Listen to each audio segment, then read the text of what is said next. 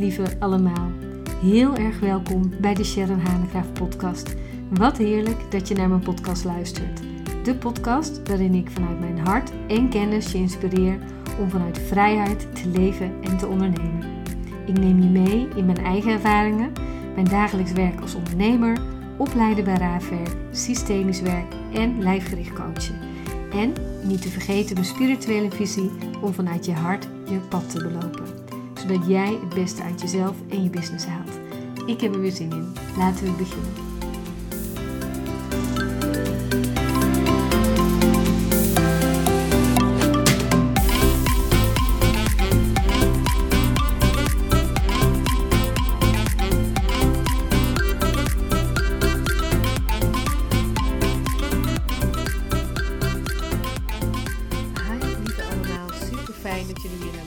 Luisteren. En ik twijfelde even om er een op te nemen. Alleen vooralsnog ga ik ze nu vooral op de woensdag aan je geven. En het is vandaag dinsdag. Dus ik dacht, ga hem toch opnemen. Omdat ik deze ochtend ook wel echt heel erg verdrietig nieuws over mijn paard heb gekregen. Ehm, en nou, dat raakt eigenlijk ook wel aan het thema zo waar het vandaag over gaat. Dus mijn paard heeft het afgelopen jaar heeft een operatie gehad. Nou, als jullie mijn podcast luisteren, weet je ook dat ze een paar keer is omgevallen met koliek. Maar een operatie aan de hoef gehad. En daar gaat het nu niet goed mee. En op een gegeven ogenblik ja, kan je iets ook niet meer fixen. En de vraag is nu, daar staan we voor, kunnen we het nog redden de hoef of kan dat niet meer? En eh, nou, je snapt wel, een paard heeft een hoef nodig. Dus dat is ook wel een hele eh, spannende tijd even. En dan kan ik dus twee dingen doen. Daar kan ik dan van wegblijven, omdat ik het zo ontzettend spannend vind. Eh, en er met verdriet naar kijken. Nou, die voel ik ook echt wel. En dat mag er ook echt helemaal zijn, want verdriet is er ook. Ehm, en tegelijkertijd kan ik er ook vanuit liefde naar blijven kijken. En daar gaat deze podcast over. Want deze podcast vandaag gaat over liefdesenergie. En die liefde, dat is ook waarom ik nu de podcast opneem. Niet vanuit wilskracht, maar omdat ik graag de podcast wil opnemen. Dus ik kende het zo goed ooit om als ik verdrietig was, boos te zijn of te vertrekken in verdriet in plaats van te blijven en vanuit vertrouwen de situatie aan te blijven kijken.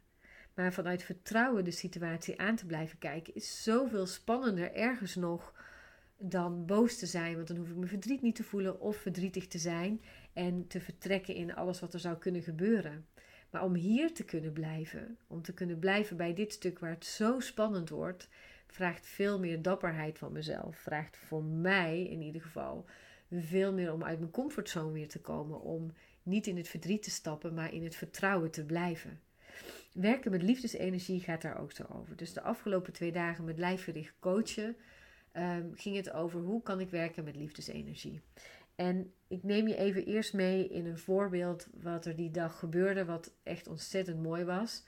Is dat we um, een kleine opstelling deden. En dat doe ik niet vaak in lijfgericht coachen, omdat ik de opleidingen heel graag gescheiden wil houden. Zodat je ook echt bij de ene opleiding heel erg systemisch aan het werk bent.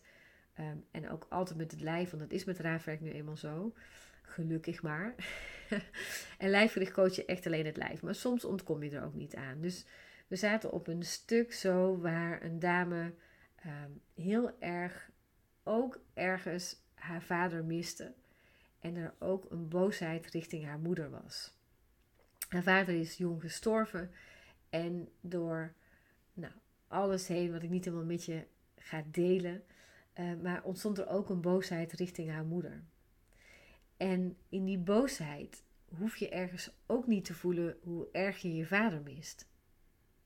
Dus we deden een kleine opstelling, omdat ze zo goed telkens weer kon vertrekken vanuit hier. En hier is even zo deze wereld, deze aarde. En elke keer vertrok ze zo weg uit het contact. Dus ik leg haar zo naast haar vader neer. En je zag meteen ook zo'n klein meisje in haar, die weer even bij haar vader mocht zijn. Super mooi. En ik zei ook tegen haar: het gaat hier uiteindelijk ook echt over hier kunnen komen, hier kunnen zijn, hier de liefde op te halen. Niet verdrietig te zijn in het gemis wat er is, maar echt even zo de liefde van je vader op te halen. Zodat je met al die liefde ook weer terug kunt komen hier, zo op aarde waar je bent. En hier je dingen kunt doen die je graag wilt doen. En niet continu zo uit het contact vertrekken of hier weg te zijn. En dat vraagt best veel dapperheid. Dus het vraagt ergens zo te kunnen blijven bij alles wat er is. Dus haar vader is er niet meer, die is er al lang niet meer. En de boosheid richting haar moeder is ook iets om aan te kijken.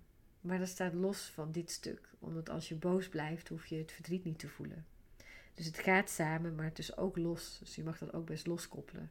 Doordat ze weer even telkens terug kan naar haar vader, de liefde op kan halen, vanuit liefde zo naar het gemis te kijken en niet vanuit boosheid. En daar gaat het over. Telkens weer als we werken met liefdesenergie. En als je geen begeleider bent, kan je dit ook zo heel mooi op jezelf toepassen. Kijk ik eerder vanuit boosheid of verdriet naar iets waar ik zo naar verlang of mis? Of kan ik daar vanuit liefde naar kijken? En dat is ook maar net hoe je het hebt geleerd. Ik heb het ergens ook goed geleerd om eerst boos te zijn, om niet te hoeven voelen. Ik denk dat ik dit zelfs heb gespiekt en af heb gekeken bij mijn ouders hoe zij het ooit deden. Ehm, en ik denk dat we dat misschien wel met het hele gezin deden. Maar hoe kan je ergens vertrouwen blijven hebben in het leven, het leven volledig aannemen, weten dat je, dat is wat er is, hoe het leven loopt. En dit zeg ik ook even tegen mezelf als ik nu denk aan mijn paard. En toch niet direct het vertrouwen te verliezen. En vanuit liefde naar de situatie te blijven kijken in plaats van boos te worden of verdrietig te zijn. En mijn man kan dat heel mooi. Die zegt eerst nog even die echo afwachten. En dan kijken we verder. Terwijl als ik nu al in het verdriet stap of zo, zoiets, denk even kijken hoe dat bij mij werkt, dan ben ik er al bijna of zo. Alsof ik mezelf zou kunnen beschermen voor wat komen gaat. En zo werkt het natuurlijk helemaal niet, want het komt pas als het er is. Dus kijk eens voor jezelf zo hoe jij naar alles wat er niet was of wel was, maar niet fijn was, oude imprints of misschien wel trauma of misschien een groot gemis van iemand die je mist of het werk waar het niet lekker op loopt. Het hoeft niet groot te zijn, het kan ook klein, maar welke weg kies jij? Kies je ervoor om te kunnen blijven en het aan te kijken en vanuit liefde aan te kijken? Of kijk je het eerder vanuit boosheid, verdriet of angst aan? En hoe heb je het ooit zo geleerd? En welke stap kun je zetten of heb jij nodig om weer het vertrouwen te kunnen hebben in jezelf en in het leven? Om vanuit liefde te kunnen blijven en te kunnen aankijken wat er is of was. Dat is een hele tekst, Maar daar gaat het om. Dus dan, als het spannend wordt, welke weg kies jij dan? En ehm, ik denk dat het je helpt om eens te kunnen gaan oefenen en te kunnen gaan spelen met hoe is het voor mij als ik kan blijven, het kan aankijken wat ik op dat moment voel en er ook nog met liefde naar kijk in plaats van bijvoorbeeld vanuit boosheid. En volgens mij heb ik het in een eerdere podcast over gehad, die dans. Heb ik het daar eerder over verteld? Volgens mij wel. Er was een dame ehm, in de masterclass en ook hier ging het over het missen van haar vader. Haar vader was er nog wel. Hier in ieder geval op aarde is hij er nog wel. Maar als klein meisje zag ze hem heel erg weinig. En daar heeft ze samen met haar zus ook een heel verhaal omheen bedacht. Zo doen we dat, hè? om ook ergens een plekje te kunnen geven. Als er geen duidelijkheid is, dan bedenken we ons eigen verhaal erop. En we werkten daarmee in de masterclass. En ik zal even fast forward, niet het hele verhaal vertellen. Maar ik dacht wel, hoe kan zij weer berusting vinden? Hoe kan de wrok weg? Hoe kan de liefde weer stromen? Hoe kan ze weer ademen? Want het ging over plek innemen, maar elke keer was ze ook een stukje daar. En dan kan je voor twee dingen kiezen. Dus systemisch daarop werken. Je kan erover praten. Je, weet je, je kan van alles doen. Maar uiteindelijk denk ik dat een klein meisje maar één ding wil van haar vader. En dat is onvoorwaardelijke liefde. En dat is wanneer ze op een schoolbal is, dansen met haar vader. En wanneer ze trouwt, dat ze uitgenodigd wordt voor haar vader om mee te dansen.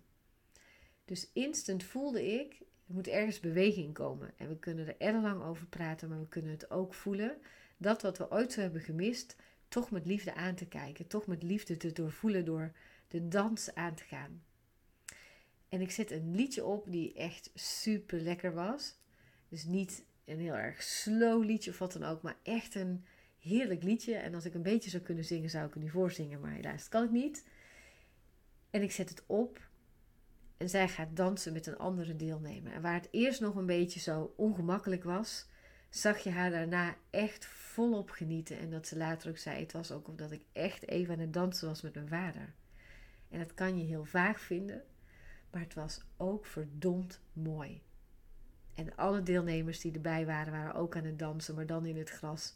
Alsof we op die bruiloft waren, alsof we op het schoolbal waren. En waren allemaal ergens zo ten diepste geraakt, omdat we allemaal voelen hoe het is, zeker de vrouwen met de vaders, de dochters en de vaders, hoe het is om in de armen van je vader te dansen.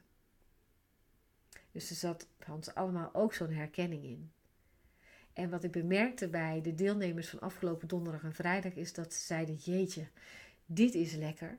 Dus niet alleen maar werken vanuit drama of werken vanuit verdriet of angst of boosheid, maar werken vanuit liefde. Voelen vanuit liefde. Keuzes kunnen maken vanuit liefde.